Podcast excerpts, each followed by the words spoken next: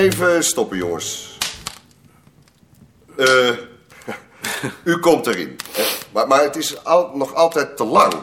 Vooral kort. Sla die historische bijzonderheden over. Ik bedoel, eh, dat interesseert de mensen geen bal.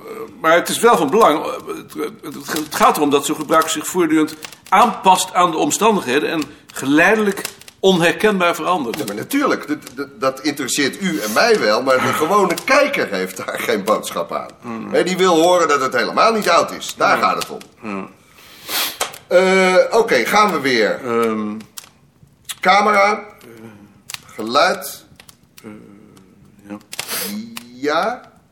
Ehm, En, en wanneer is het toen uitgestorven? Ehm, het, is eh, het, is, het is twee keer uitgestorven.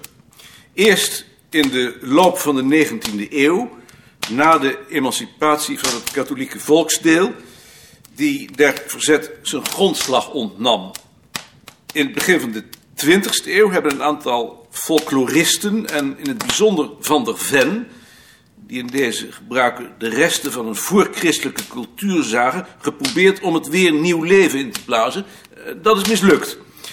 Na de Tweede Wereldoorlog is het opnieuw, maar nu weer andere vorm, opgepakt door Twentse regionalisten die er de uitdrukking van de Twentse ziel in zochten. Dat betekent dus dat wat wij daarnet gezien hebben helemaal niet zo oud is.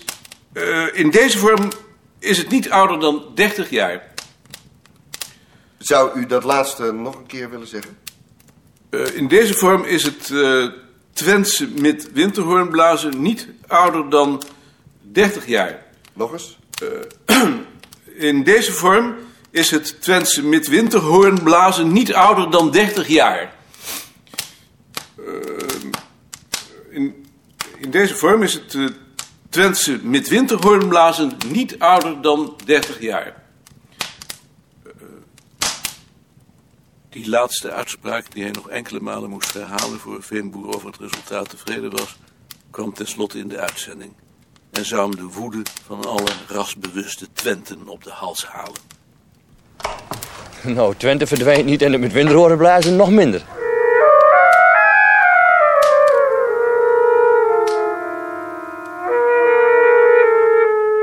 De broer van Frans heeft opgebeld.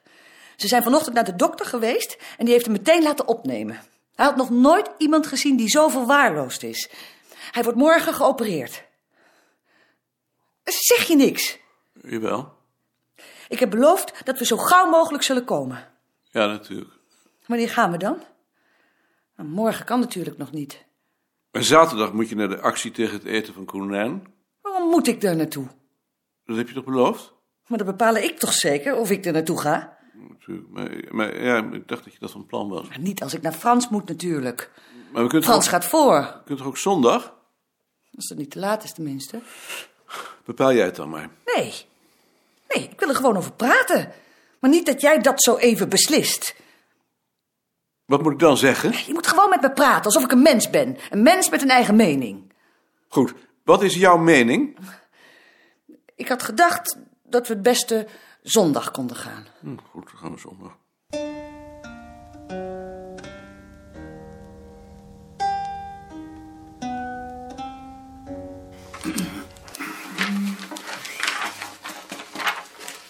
Ehm, project 22. Het onderzoek van Frits naar het afnemen van religieuze voorwerpen in de woningen van katholieken aan het eind van de 18e eeuw. Frits heeft daarover een schriftelijk verslag ingediend.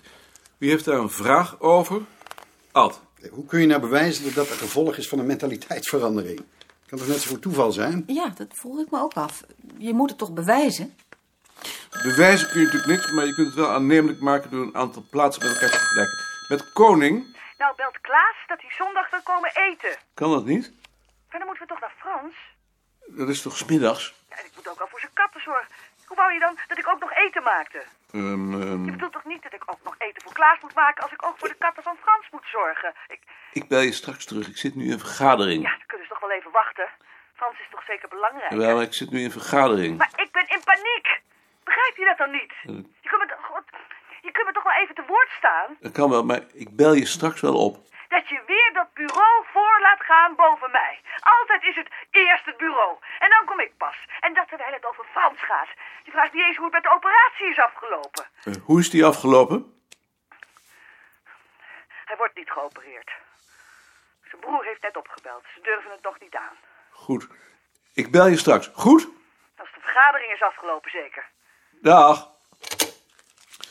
Ehm, een vriend van ons is opgenomen in het ziekenhuis. Iemand die hier ook gewerkt heeft, nog voor Ad. Ehm, Ad en Sien vragen zich dus af hoe je bewijst dat het geen toeval is. Frits, ga je gang.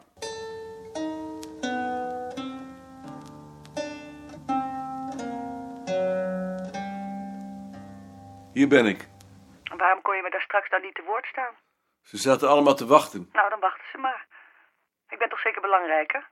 Ja, maar als er mensen bij zijn, dan kan ik zo'n telefoongesprek Ja, niet is altijd voeren. weer wat anders. Altijd zijn er mensen bij. Nooit kun je eens een keer met mij praten. Wat was er nou met Frans? Maar ze weten nog niet hoe ze het moeten aanpakken. Mhm. Denken ze erover om hem door te sturen naar het Antonie van Leeuwenhoekhuis? Mhm. Maar dan moet er eerst plaats zijn. En waar moet jij nou voor de katten zorgen? Omdat zijn broer dan voor een week naar Ameland is. Met zijn vriendin. Mhm. Hij komt zaterdag de sleutel brengen. En hoe moet dat nou met Klaas?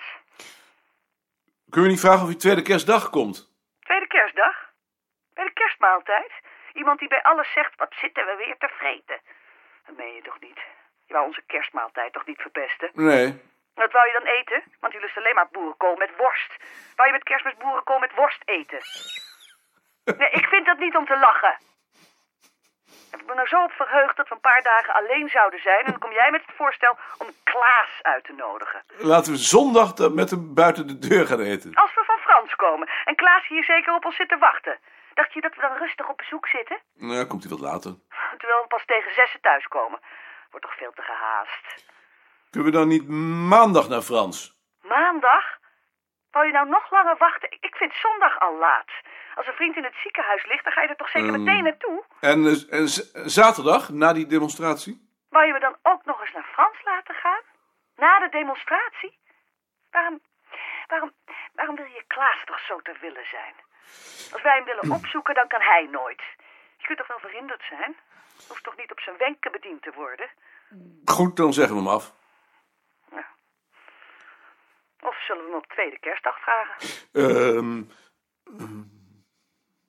Ik weet het niet meer. Ik, ik, nou, ik geloof dat ik helemaal gek word. ja, laat, maar, laat het maar even laten bezinken, hè? En als Klaas dan belt? Eh, dan zeg je dat we nog niet beslist hebben omdat we met Frans zitten. Maar eh, Klaas belt natuurlijk niet, die komt gewoon.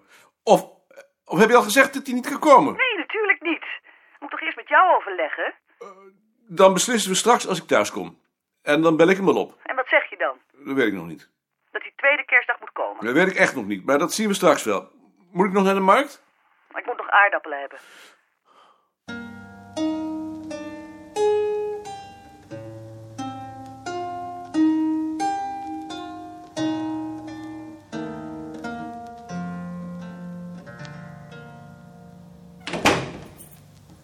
Zal ik met je meegaan naar de katten? Nee, ik ga wel alleen. Als jij erbij bent, ga je je toch weer overal mee bemoeien en dat wil ik niet. Waar zien we elkaar dan? Ik kan toch wel alleen naar Frans? Ik ben toch geen kind meer? Nou, ik dacht dat we misschien samen met de bus konden gaan. Hoe wou je dat dan doen? Als jij vanaf Frans lijn 3 neemt, dan zien we elkaar bij de halte bij het concertgebouw. Waar is die halte dan? Op de andere hoek tegenover die bloemenwinkel. En hoe laat ben je daar dan? Kwart voor drie? Is dat niet te laat? Nee, dat is niet te laat. Want ik wil niet dat hij op ons moet wachten. Nee, hij hoeft niet te wachten.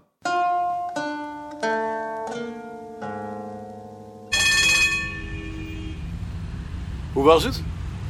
Ik ben ontzettend geschrokken. Wat was het dan? Hij is volkomen asociaal.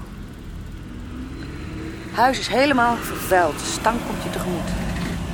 Keuken, slaapkamer. Overal ligt rommel. Gasstel helemaal onder het vet. Kranten op de grond met viezigheid. Lege jeneverflessen. Ik vond het zo triest. Ik kon wel huilen. Ik heb in de kamer gezeten met Roodje op schoot. Die was ontzettend blij, maar ik vond het zo benauwd.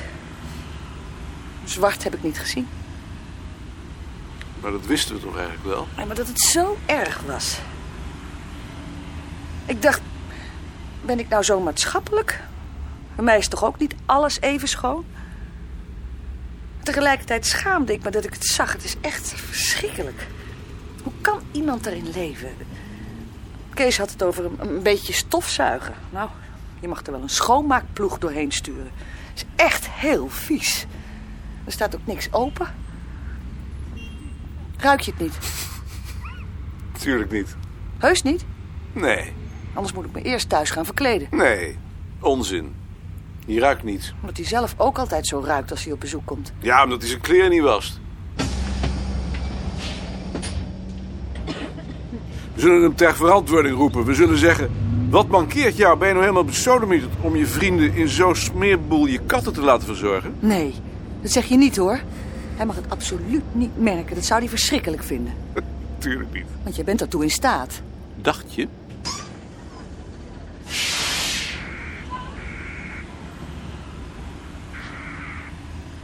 Dat gebouw daar, daar zit Beerta.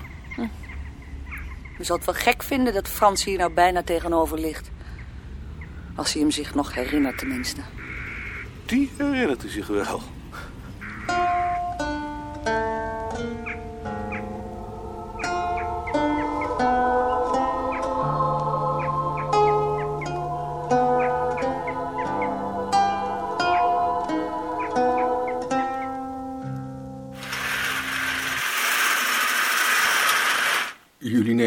Kwalijk dat ik in mijn pyjama ben. Natuurlijk niet.